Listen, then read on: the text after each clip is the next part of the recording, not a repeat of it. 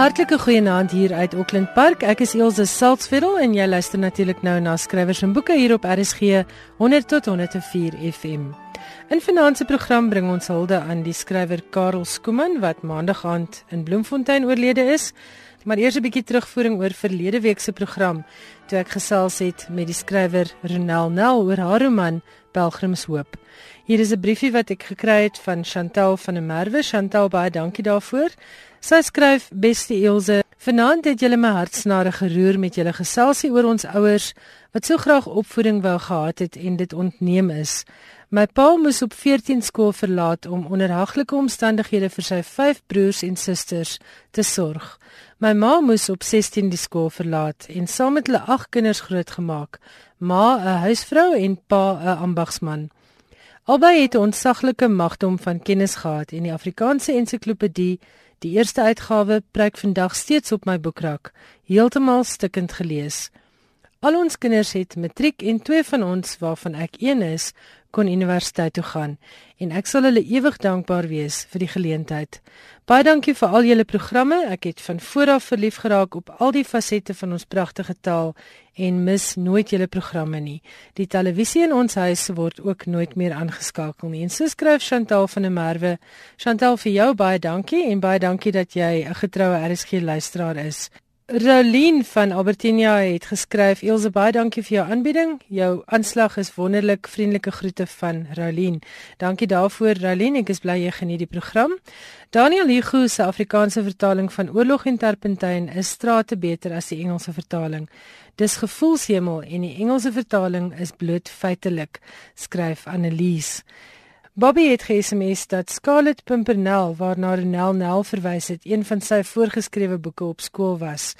Gary het geskryf skrywers en boeke is 'n puikprogram. Ek mis dit vir niks nie. Baie dankie Gary vir jou mooi woorde en dan het Bella Clayton laat weet Henning Snyman was haar geliefde dosent by die Universiteit van Kaapstad. En 'n anonieme SMS het gesê baie dankie vir die program vir die historiese perspektief en vir die erkenning aan skrywers. Dit laat 'n mens altyd ryker. Baie dankie daarvoor. Dit dan terugvoering oor verlede week se program. Nou 'n bietjie nuus oor die Universiteit van Johannesburg se jaarlikse kreatiewe pryse. Dit is pryse wat in twee kategorieë oor die grense van genres heen toegekend word. En die beste debuutwerk ontvang prysgeld van R30000 en die Universiteit van Johannesburg prys vir die beste kreatiewe teks in Afrikaans loop weg met prysgeld van R75000. En die titels wat vanjaar die kortlys gehaal het vir die debuutprys was die skaalmodel van Annelie Groenewald hy kom met die skoenlappers van Walda Jansen en fotostaat masjien Bibi Slippers se digbundel. Die titels op die kortlys vir die 2017 Universiteit van Johannesburg prys vir die beste kreatiewe teks In alfabetiese volgorde volgens die outeur se vanne was Dorado deur Tom Dreyer, Huilboek deur Ryk Hatting, Koors deur Dion Meyer, Op 'n dag gehond deur John Miles, 1795 deur Dan Sley en Syferfontein deur Cas Webner.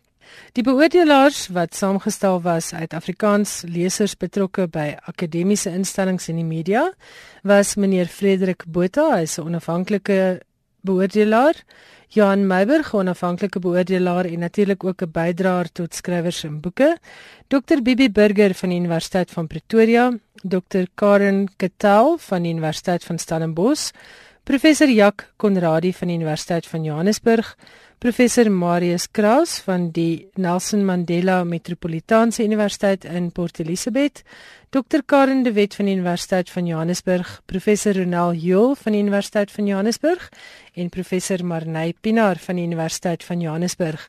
En dan die groot nuus, die wenners van jaar van die Universiteit van Johannesburg se kreatiewe pryse is fotostaatmasjien deur Bibi Slippers. Dit is in die debuutprys afdeling en John Miles met op 'n dag 'n hond die 2017 Universiteit van Johannesburg prys vir die beste kreatiewe teks in Afrikaans. Aan hulle en aan almal wat die kortlyste gemaak het, baie baie geluk. Dit is nie 'n geringe prestasie nie. Daar is 68 titels ingeskryf vir vanjaar se kompetisie wat 18 meer was as verlede jaar. En onder die debute was daar 16 titels wat 5 titels meer is as in 2016.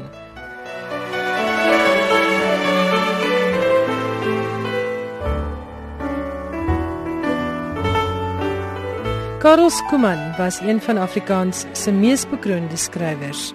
Hy het 3 keer die Hertzogprys gewen in 1970 vir sy romans By Vakkelig, 'n lig vol helder wolke en Spiraal en in 1986 vir 'n ander land en weer in 1995 vir Hierdie lewe. 'n Ander land is ook bekroon met die ou Mutual Prys, die WA Hofmeyer Prys en die Helgard Steyn Prys terwyl hy vir hierdie lewe ook die CNA-prys ontvang het. Vir verkenning het Skuman in 1997 die Mnet Boekprys en die Staalsprys vir kultuurgeskiedenis gewen. En in 2002 is hy vir 'n tweede keer met die WA Hofmeyer Prys bekroon vir Armoesyn van die Kaap. Hy het ook in sy loopbaan 4 Recht Malan Pryse gewen. In 1999 het hy in Pretoria die Orde van Voortreffelike Diens van oud-president Nelson Mandela ontvang. Later in Finanse Skrywers en Boeke gaan ons luister na 'n insetsel wat Christel Webb Huber so 'n paar jaar gelede tydens Karel Skuman se 70ste verjaarsdag gemaak het, waarin sy met professor Willie Burger gesels om te hoor hoekom Karel Skuman as een van Afrikaans se grootes beskou word. Maar nou gaan ek eers gesels met Fanny Viljoen, die Bloemfontein se jeugboekskrywer wat 'n goeie vriend was van Karel. Nou soos julle almal weet, Karel was 'n redelike kluisenaar, maar Fanny, hy het vir jou in sy lewe toegelaat. Dankie dat jy met ons gesels. Ek wil by jou weet, hoe het jy en Karel Skuman bevriend geraak? Ek het vir Karel in 2013 ontmoet via 'n tannie wat by die aftreeoort gewerk het, tannie Witsie. Sy het my aan hom bekend gestel. Ek het baie dinge van hom gehoor, onder andere dat hy 'n moeilike mens is en so aan, maar ek het besluit ek gaan hom nooi vir koffie en uh eerste keer wat ons toe ontmoet het vir koffie by Olivenhuis het ek agtergekom maar yes, hierdie hy's eintlik 'n ongelooflike mens, né? Nee? Hy is een van daai mense wat nie net slim was nie, hy het so 'n uh, wysheid aan hom gehad wat my stom geslaan het. En ons kon byvoorbeeld net gesels oor oor die kreatiewe proses en hoe sy boeke uh, ontstaan het en so aan. Ja, ek het ek het vir Karel die mens agter die boeke so leer ken. Hoekom dink jy hy het hom so eenkant gehou? Ek dink hy hy wou homself ook maar beskerm. Dalk het soveel mense uh goed van hom vereis, nie dat hy gevoel het maar as hy uh kreatief wil wees, sal hy dalk 'n bietjie synig met sy tyd moet wees. Maar ek dink hy het mense toegelaat in sy lewe wat vir hom op een of ander manier iets beteken het. En dit dit was nie noodwendig uh letterkundiges of mense by universiteite of so aan nie. Dit is baie keer eenvoudige mense gewees soos 'n tannie wat koskupons by die aftreeoort uitdeel. Ek dink hy was ook baie lief vir uh Jemina wat in sy huis gewerk het en hom vergesel het as hy net gaan inkopies doen of so. So daar was 'n ander kant aan Karel Skuman as wat uh mense gewoonlik van bewus was. En waaroor het julle dan nou gesels? Jy sê julle het oor die kreatiewe proses byvoorbeeld gesels. Ja, ja, hy sê byvoorbeeld my vertel het hoe hy geskryf het aan sy boeke soos die boek hierdie lewe. Hy het gesê maar die vrou het in sy kop gepraat en hy moes net byhou om om te tik wat sy vir hom sê of uh hoe op 'n eiland geskryf is en so aan hy het ook vir my gesê dat om te skryf, dis iets wat kom uit 'n mens se onderbewuste en uit jou hart. So hy het soveel wyshede eintlik kwyt geraak tydens hierdie gesprekke van ons. Het julle ook vir mekaar eposse gestuur? Want dis my so wonderlike ding van die ou jare wat uitgesterf het waar skrywers met mekaar korrespondeer en op daardie manier ook 'n stukkie geskiedenis vir ons help bewaar oor die letterkunde. Ja, ons het gereeld uh, eposse heen en weer gestuur veral na so 'n uh, kuier by Olivenhuis, is dit amper asof daar uh seker gedagtes uh losgekom het in hom. Min mense weet seker daarvan, maar hy was 'n groot filmliefhebber en hy het gereeld vir my skakel gestuur na ou flieks wat op YouTube beskikbaar was. En dit het hom geweldig gefassineer. En dit veral films wat so sy boeke verfilm is. Hy sou byvoorbeeld gefassineer gewees het deur 'n fliek waar uh, daar net byvoorbeeld twee vrouens gewys word. Die een praat en die ander ene reageer net uh, sonder enige dialoog op die gesprek en net daai eenvoudige amper lang uitgerekte tonele was vir hom fascinerend geweest. Fanny het hy enige ander familie gehad? Ek is nie seker nie. Hy het uh, nogal gepraat oor sy ma. Ehm um, ek kan nou nie heeltemal onthou wat hy al gesê het oor haar nie, maar ek dink ehm um, hy skryf baie oor haar in in die boek die laaste Afrikaanse roman. En sê vir my, hoekom dink jy het hy heeltemal ophou skryf? Het hy ooit met jou daaroor gepraat? Hier teen die einde het hy gesê dat sy konsentrasie vermoë nie wat dit altyd was nie. Hy het byvoorbeeld gesukkel om sinne te konstrueer of om die regte woord te kry. En ek dink hy was nogal 'n perfeksionis ook geweest as dit kom by die skryfwerk. Hy het byvoorbeeld in 'n e-pos vir my gesê mense kan kreatief bly, maar dit is slopend na die liggaam en gees en jy kom nooit weer ten volle by nie. En dit dit hy skryf in opsig van fiksie. So hy het aan die einde eintlik verkies om meer nie fiksie te skryf en later het hy net besluit maar hy wil nou niks meer skryf nie. Was hy sieklik? Hy was 'n paar keer in die hospitaal. Hy het hy het byvoorbeeld geval. Hy het my eendag gesê ehm um, dat hy by die huis was en hy het uit die bed uit opgestaan en toe voel hy maar hier val hy nou. Uh, as ek reg kom, het sy heup ingegee of iets en hy het net gedink terwyl hy so val, toe gaan dit net deur sy kop. O God, o God, o God, sê hy. En dit was vir verskriklik want hy weet as 'n ou mens se heup breek dan is dit 'n is baie traumaties vir hulle. Ek neem aan sy dood was vir jou 'n baie groot skok. Hoe gaan jy Karel Skooman onthou? Ek sal hom onthou as die vriendelike gryskop man wat daar onder die bome by Olivenhuis gesit het en al hierdie wyshede kwyt geraak het en en hy was 'n sagte mens en hy het gehou van skoonheid. Die eerste dag wat ek hom byvoorbeeld ontmoet het, dit was in die winter gewees. Toe kom huis toe vat, het hy so na die lug gekyk en gesê hy hou so van hierdie tyd van die dag. Dit is omtrent 05:30 se kant. Hy sê daar so laaste halfuur aan 'n wintersdag wat vir hom verskriklik mooi is. Dit is baie mooi. Fanny Viljoen baie dankie dat jy met ons gesels het oor jou vriendskap met die skrywer Karel Skooman. My simpatie aan jou en aan almal wat hom geken het en vir hom lief was.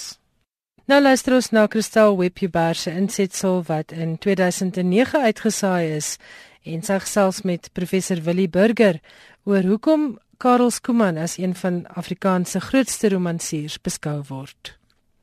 Die skrywer Karel Skooman het op die 26ste Oktober 70 geword. Hy is in 1939 gebore te Tromsburg in die Vrystaat. Na matrikulasie in 1956 aan die Hoër Jongenskool in die Parel, behaal hy 'n BA graad aan die Universiteit van die Oranje Vrystaat. In 1959 neem hy die Rooms-Katolieke geloof aan en sit sy studies voort aan die Katolieke Seminarium St John Vianney in Pretoria. Van 1961 tot 1964 deurloop Skuman die novisiaat van die Fransiskaanse orde in kloosters in Killarney en Galway, Ierland. In 1964 keer hy terug na Bloemfontein sonder om priester te word. Na die verwerwing van 'n diploma in biblioteekkunde, woon hy 'n tyd lank in Johannesburg en vertrek dan na Nederland. Tussen 1968 en 1973 is hy bibliotekaris in Amsterdam en hierna verpleer in Glasgow. Terug in Suid-Afrika werk hy as vertaler in Pretoria en as bibliotekaris in Bloemfontein.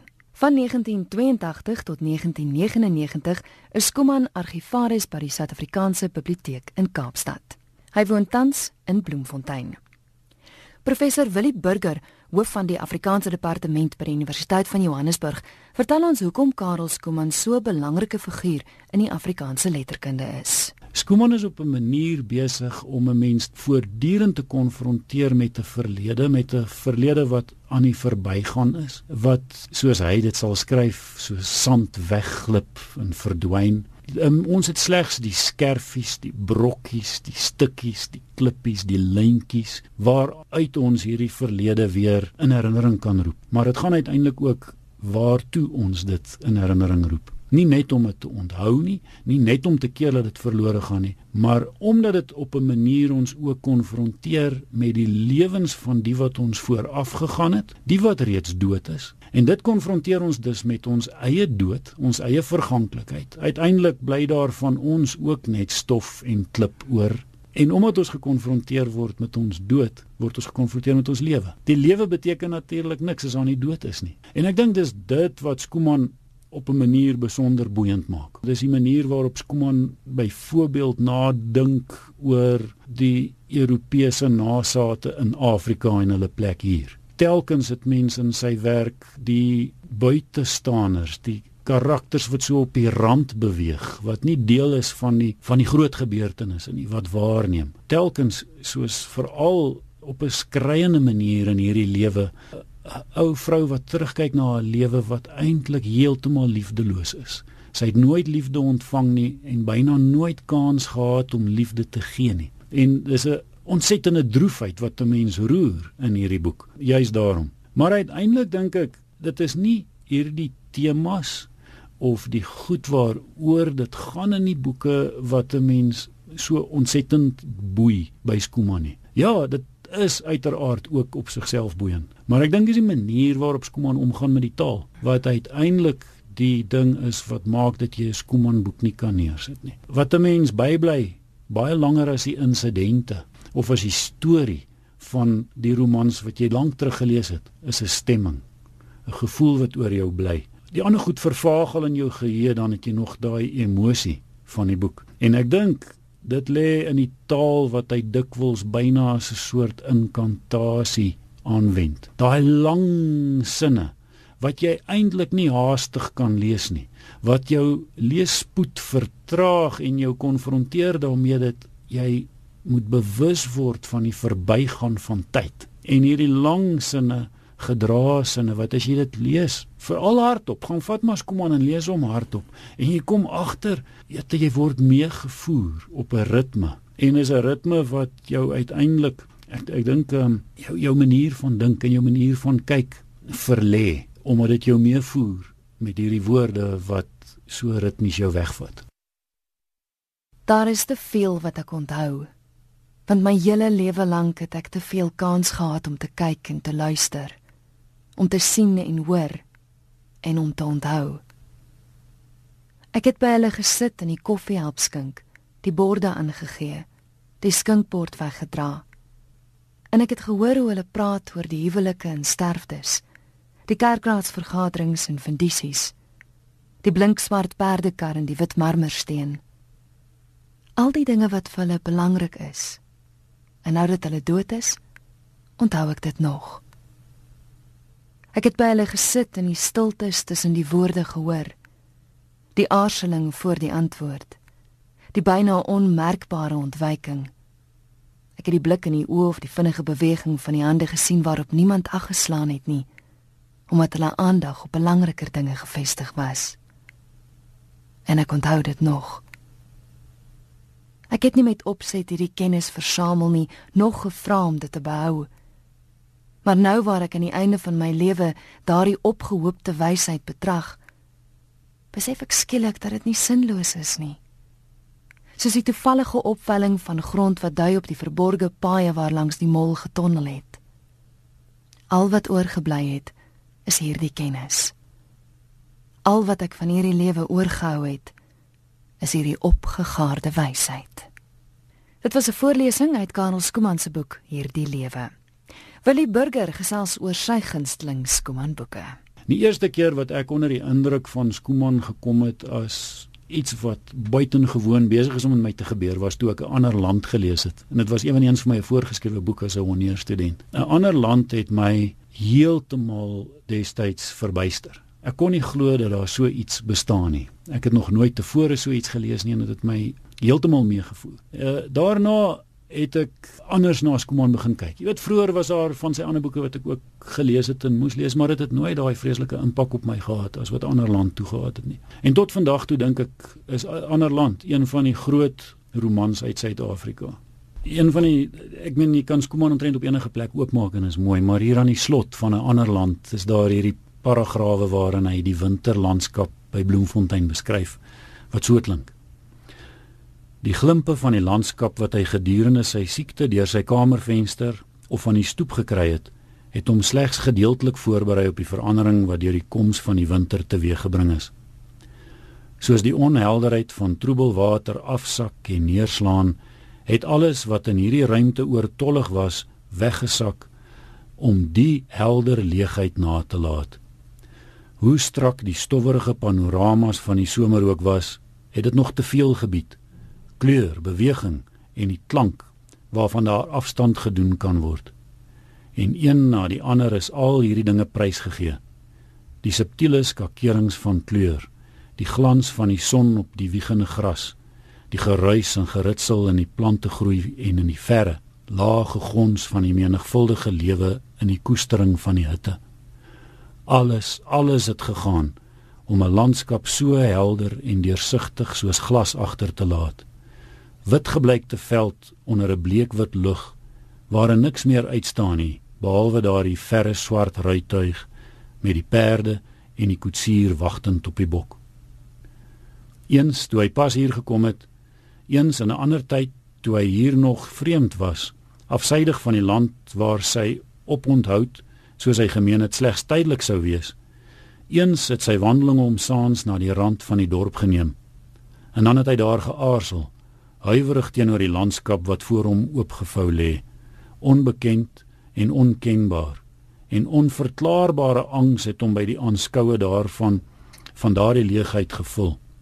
Maar daar's geen rede vir angs nie, dink hy terwyl hy stadig en ongejaagd begin terugstap na die landdauer, steunend op sy stok. Daar is niks om te vrees nie.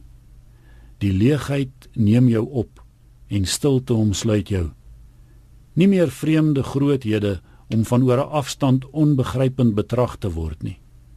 Die onbekende land word vertroud en die deurganger onthou nie meer dat dit eens nog sy bedoeling was om verder te reis nie. Halverwee op die pad ontdek jy effens verras dat die reis voltooi is en die bestemming reeds bereik.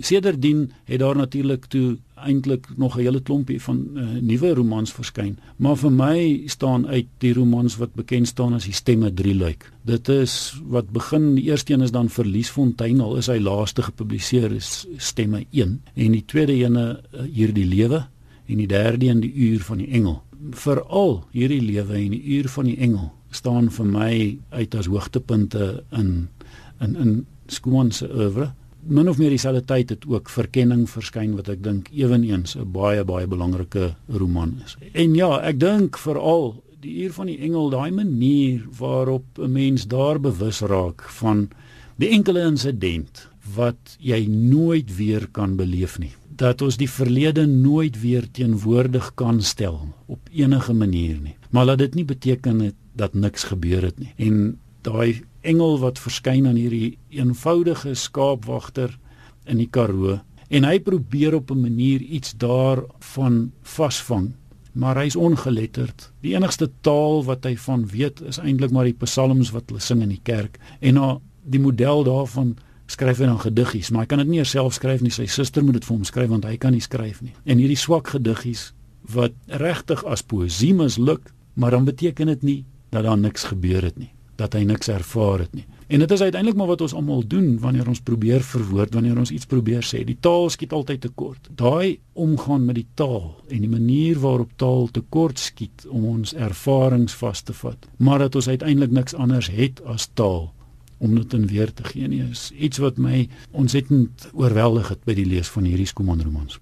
Skuman is ook verantwoordelik vir 'n hele aantal biografieë, historiese werke en navorsingsartikels. Hy het nou die grootste deel van sy lewe in die argiewe deurgebring. Homself daar diep onder in die kelders begrawe en deur die argiewe gewerk. Van daar af hierdie ongelooflike navorsing gedoen. Jy weet, as jy gaan kyk net na sy uitset in navorsingsartikels en dan kry jy hierdie navorsingsartikels oor wat oënskynlik obskure klein dingetjies lyk ek het lyste daarvan opgestel. Jy kom op 'n artikel af wat hy geskryf het oor die klere drag in die Oranje Vrystaat 16 eh, of of 18 90 tot 1895. En dan berus dit op navorsing wat hy gedoen het om te gaan kyk na al die polisie rekords van mense wat gevang is, dan word daar 'n inventaris opgestel van die klere wat hulle aangetree het. Of wanneer hulle tronkstraf kry, wat is die inventaris van die klere wat hulle aangetree het?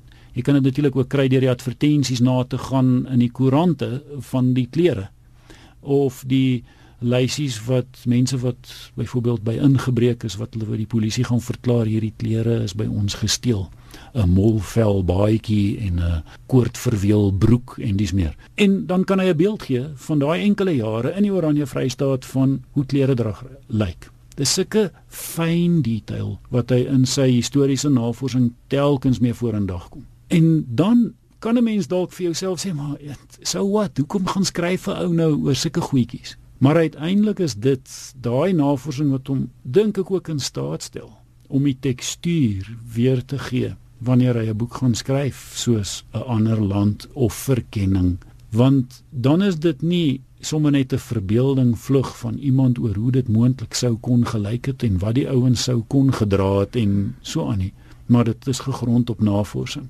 en dit het ek dink uiteindelik hierdie hierdie vermoë om tekstuur te gee aan sy werk. Een van my kollegas by die geskiedenisdepartement het op 'n stadium opgemerk dat Skuman die geskied sy in sy geskiedskrywing selde interpreteer dat hy bloot opteken maar dat hy sy interpretasies daarvan doen in sy romans. Ek dink daar steek nogal iets in die opmerking en en dit is uh, waarskynlik uh, gedeeltelik ook waar. So as mens Skuman se onverdrote arbeid om die geskiedenis in die fynste besonderhede na te vors aan die een kant neem en aan die ander kant sy taal vermoë om aan daardie droë geskiedenis op 'n manier 'n lewe te gee in sy romans.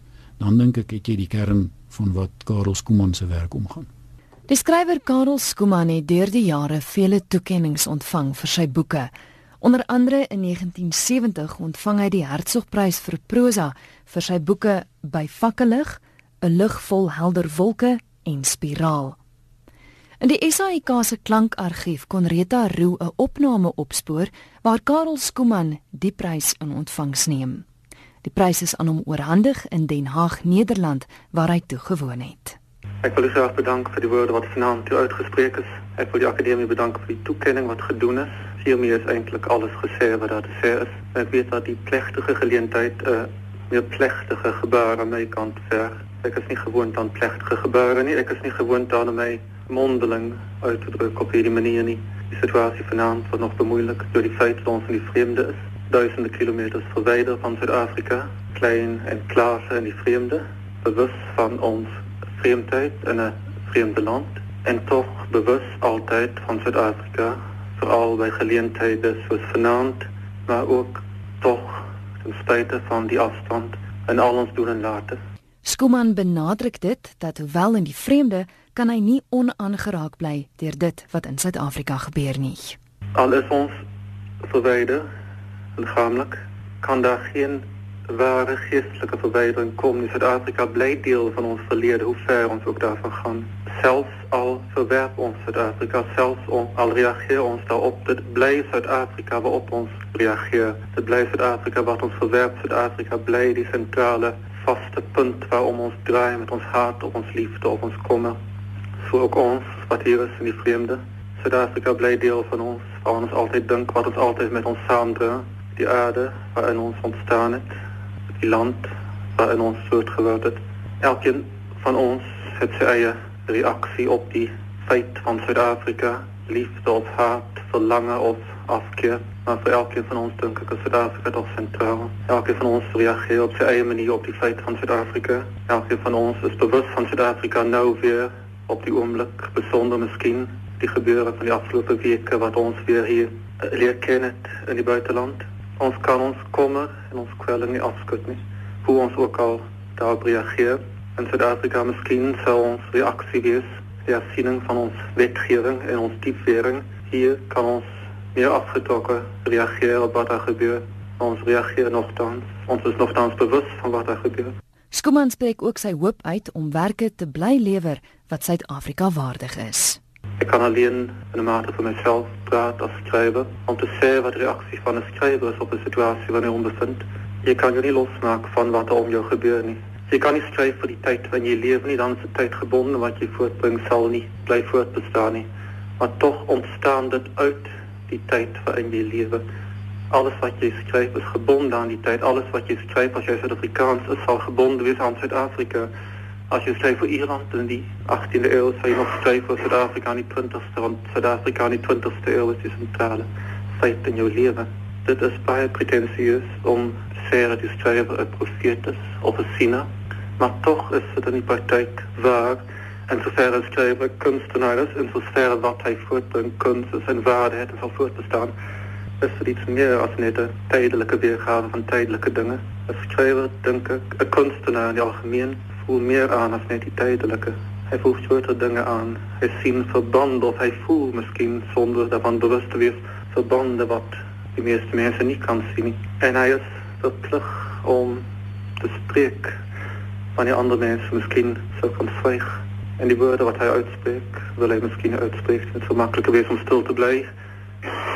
Die woorden wat hij uitspreekt, is woorden wat andere mensen waarschijnlijk niet wil horen, maar nogthans moet hij willen uitspreken. Het is eigenlijk eenvoudig als schrijver vertel verhalen, niks meer niet, maar in die vertellen van die verhalen is wat meer opgesloten. Het is moeilijk om beredeneerd hier uit te drukken in een plechtige kring in een vreemde land. Ik het probeer met mijn welsla, denk ik, in het verleden, om dat op papier schriftelijk weer te geven. Ik zal proberen, zolang het nog voor mij mogelijk is, om dat in de toekomst ook weer te geven. Beter hoop ik, duidelijker, of iemand het wil horen, of het andere mensen bevredigen of niet. Want dat is niet het belangrijkste niet. Het belangrijkste is wat je doet, wat je voelt dat je moet doen. Zo eenvoudig en zo eerlijk als wat je kan, wat die eenzaamheid en die verschrikking ook al mag wezen. Wat de afkeer je woorden ook al mag oproepen, wat de tegenstand ook al mag oproepen. Ik blij dat ik in het verleden schijnbaar in de mate geslaagd is, zoals die toekenning van die prijs uh, aanduidt, denk ik. Ik hoop dat ik in de toekomst nog beter zal doen voor Zuid-Afrika, als die woorden niet te chauvinistisch klinkt niet. Zoals ik Zuid-Afrika zien. Ik dank u. Het geluister na 'n opname van die skrywer Karel Skuman toe hy die Hertzogprys vir prosa in 1970 ontvang het. Net verlede week het Karel Skuman nog 'n prys ontvang. Willie Burger vertel ons meer. Karel Skuman se roman Hierdie lewe wat reeds in 1994 uh, die Hertzogprys gekry het wat in 1993 gepubliseer is die die roman uh, het in Januarie hierdie jaar in Franse vertaling verskyn as set wie. En dit is nou bekroon met die Prix de Meilleur Livre étranger wat um, ek nie kan sê nie, maar wat 'n prys is wat jaarliks toegekend word aan die beste buitelandse roman in Frankryk. Nou met hierdie prys bevind Skuman hom in baie goeie geselskap want die prys is al tevore toegekend aan skrywers soos Gabriel Garcia Marquez vir sy ehm um, seun Años Años de Soledad, daai 100 Years of Solitude, as die meeste mense dit hier ken. Hy het in 1969 hierdie prys daarvoor gekry.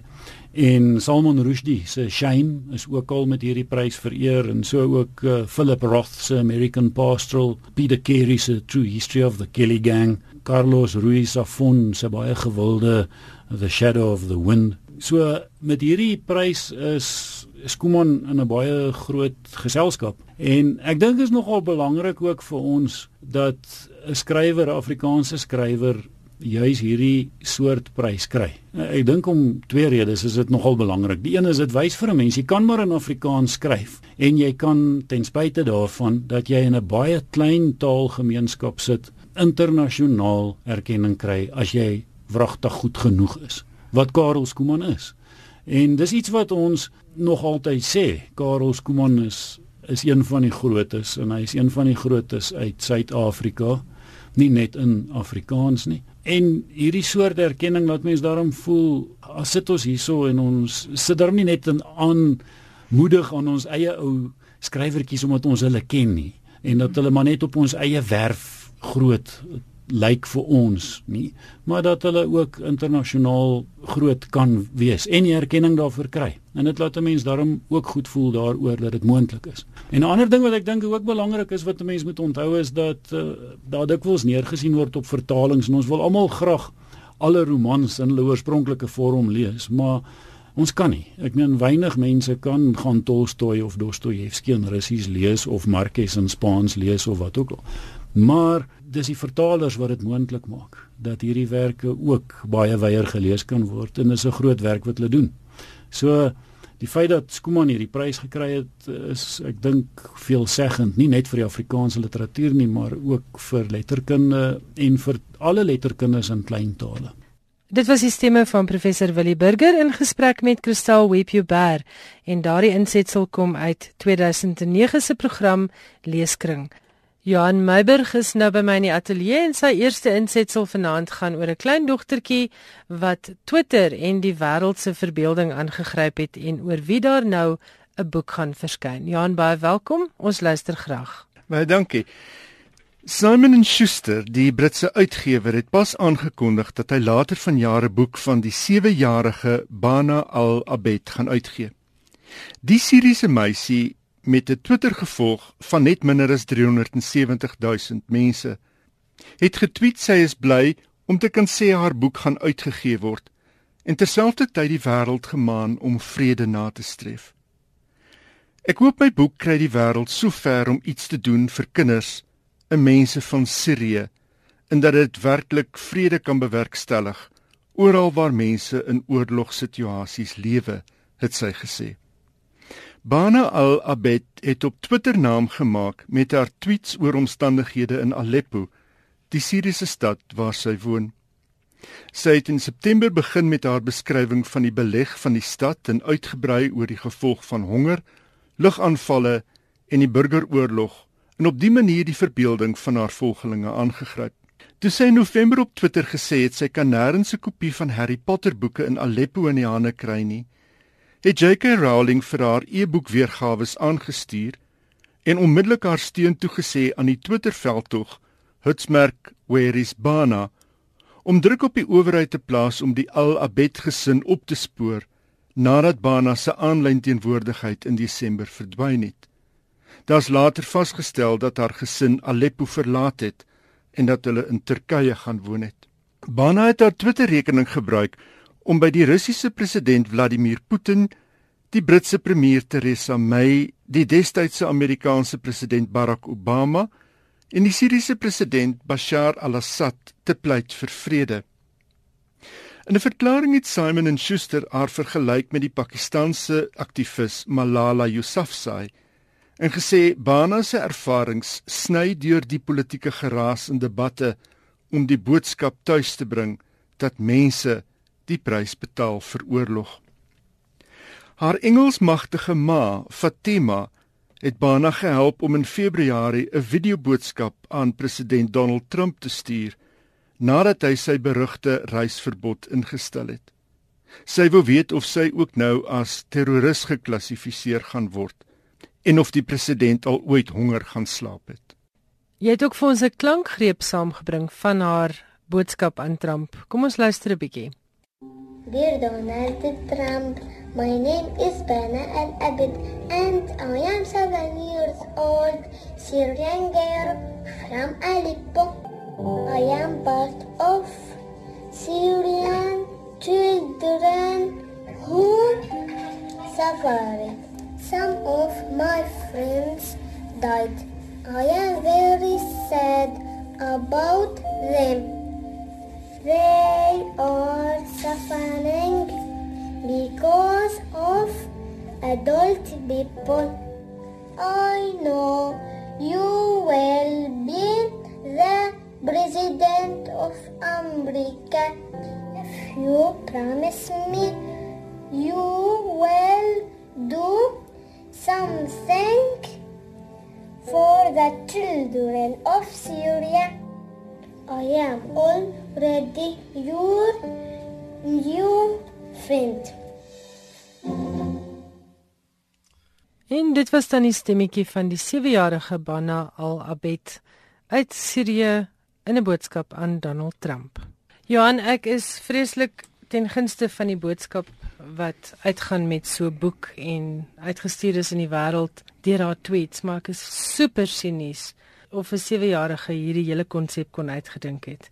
Ek het haar gevolg van die begin af op Twitter en ek het haar verloor toe ek sien haar ma tweet dan en wan onder haar naam en ek dit voel vir my net so klein bietjie vals om te sê dit was haar hele konsep en haar idee en sy het by die leiers gepleit vir vrede. Ek is nie snaaks nie, maar 'n 7-jarige kind in vergelyking byvoorbeeld met Yusuf Sai wat 15 is Inderdaad. en wat politieke bewussyn en so Ek sou dink dat dit dat dit waarskynlik by haar begin het dat sy gepraat het oor die omstandighede van Ja. die honger en die lugaanvalle en die Ja. oorlog gevolge daarvan. Maar mens kry duidelik die gedagte, bedoel hierdie laaste paragraaf het ek ook gesê dat die ma het het haar gehelp. het haar gehelp om die brief te skryf. Nou mens hoor hoe sy die brief lees. Hmm. Ehm wat dit nie vir my laat klink asof dit heeltemal 'n 'n onintelligente kind is nie. Hmm. Maar dat die ma hand daarin gehad het, gewis. Ja, so ek weet nie ek sou graag die boek wil lees, maar ek is baie versigtig vir die sensasionalisme wat onmiddellik rooi vlae in my kop laat opkom. Jou volgende bydrae. Wel, as jy nou praat van sensasionalisme, een van die grootste publikasiekontrakte nog vir 'n debuutroman. So het Macmillan die 7-syfer kontrak wat hy met Tomi Adeyemi gesluit het, beskryf. Maar dis nie al nie. Fox 2000 het die rolprentregte van die debuut wat nog nie uit is nie bekom. Tomi Adeyemi is 'n 23-jarige Nigeriese skrywer wat in San Diego in Kalifornië woon en wat 5 jaar lank na 'n uitgewer gesoek het vir haar manuskrip. Bykans moedeloos het sy ingeskryf vir skryfklasse by Harvard om so te probeer uitvind wat sy verkeerd doen. Met die nuutgevonde kennis het sy haar roman oorgewerk en die manuskrip vir uitgewerye en literêre agente aangestuur en sien daar. Adeyemi se roman Children of Blood and Bone word beskryf as 'n fantasieroman geplaas in Wes-Afrika met helde en heldinne met Yoruba name. Ek wil hê 'n klein swart dogtertjie moet my boek eendag kan optel en haarself as 'n ster kan sien, skryf Adeyemi op haar blog. Ek wil hê sy moet weet sy is mooi en dat sy saak maak en dat sy 'n wonderlike avontuur kan hê. Al sê 'n oningeligte deel van die wêreld vir haar, sy kan nooit Hermione Granger wees nie. Met Afrika fiksie wat deesdae heelwat aandag geniet en skrywers van die vasteland wat internasionaal sukses behaal, het Adeyemi heelwat eisters in die vuur. Op haar webwerf stel sy haarself voor nie net as skrywer nie, maar ook as ywerige blogger en kreatiewe afrigter met soveel as 3500 mense wat op haar webwerf geregistreer is vir skryfleiding.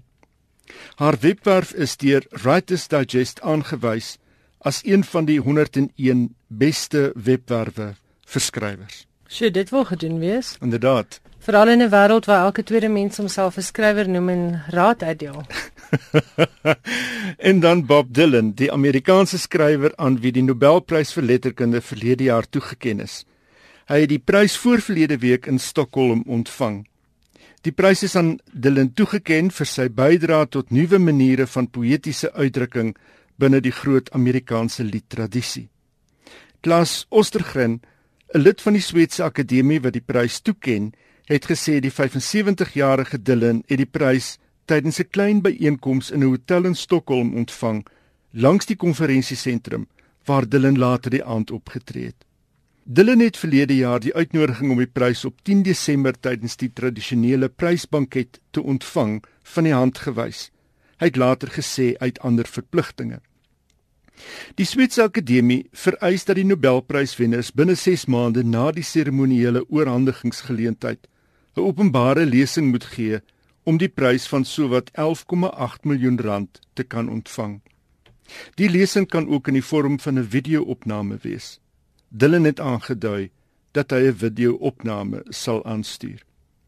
In 2013 het Alice Munro ook verkies om 'n video-opname aan die akademie te stuur. Maar hy het daarom nou gaan praat. So tel dit nou as 'n Hy het die, hy dit gaan ontvang. so maar hy nog moet nog- hy moet nog lesing Gaan sy lesing in die vorm van sy musiek wees? Dit kan 'n formele voordrag wees, dit kan 'n kort boodskap op video wees, dit kan 'n lied wees, dit kan 'n uitvoering wees. So, so eh, daar's nie 'n beperking. Daar's nie 'n beperking daarop nie. Baie interessant. Johan Meiberg, baie dankie vir jou bydrae. Ek geniet dit altyd baie en ek kry ook fantastiese terugvoer van ons luisteraars spesifiek oor jou insets. Dankie.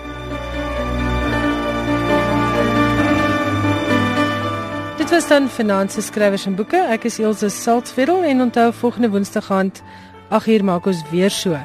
As jy van jou wil laat hoor, die SMS nommer is 45770 en my e-posadres is skrywersandboeke@rsg.co.za. Bly ingeskakel vir die res van Finanse programme. Tot ons weer gesels volgende Woensdag aand om 8uur. Totsiens.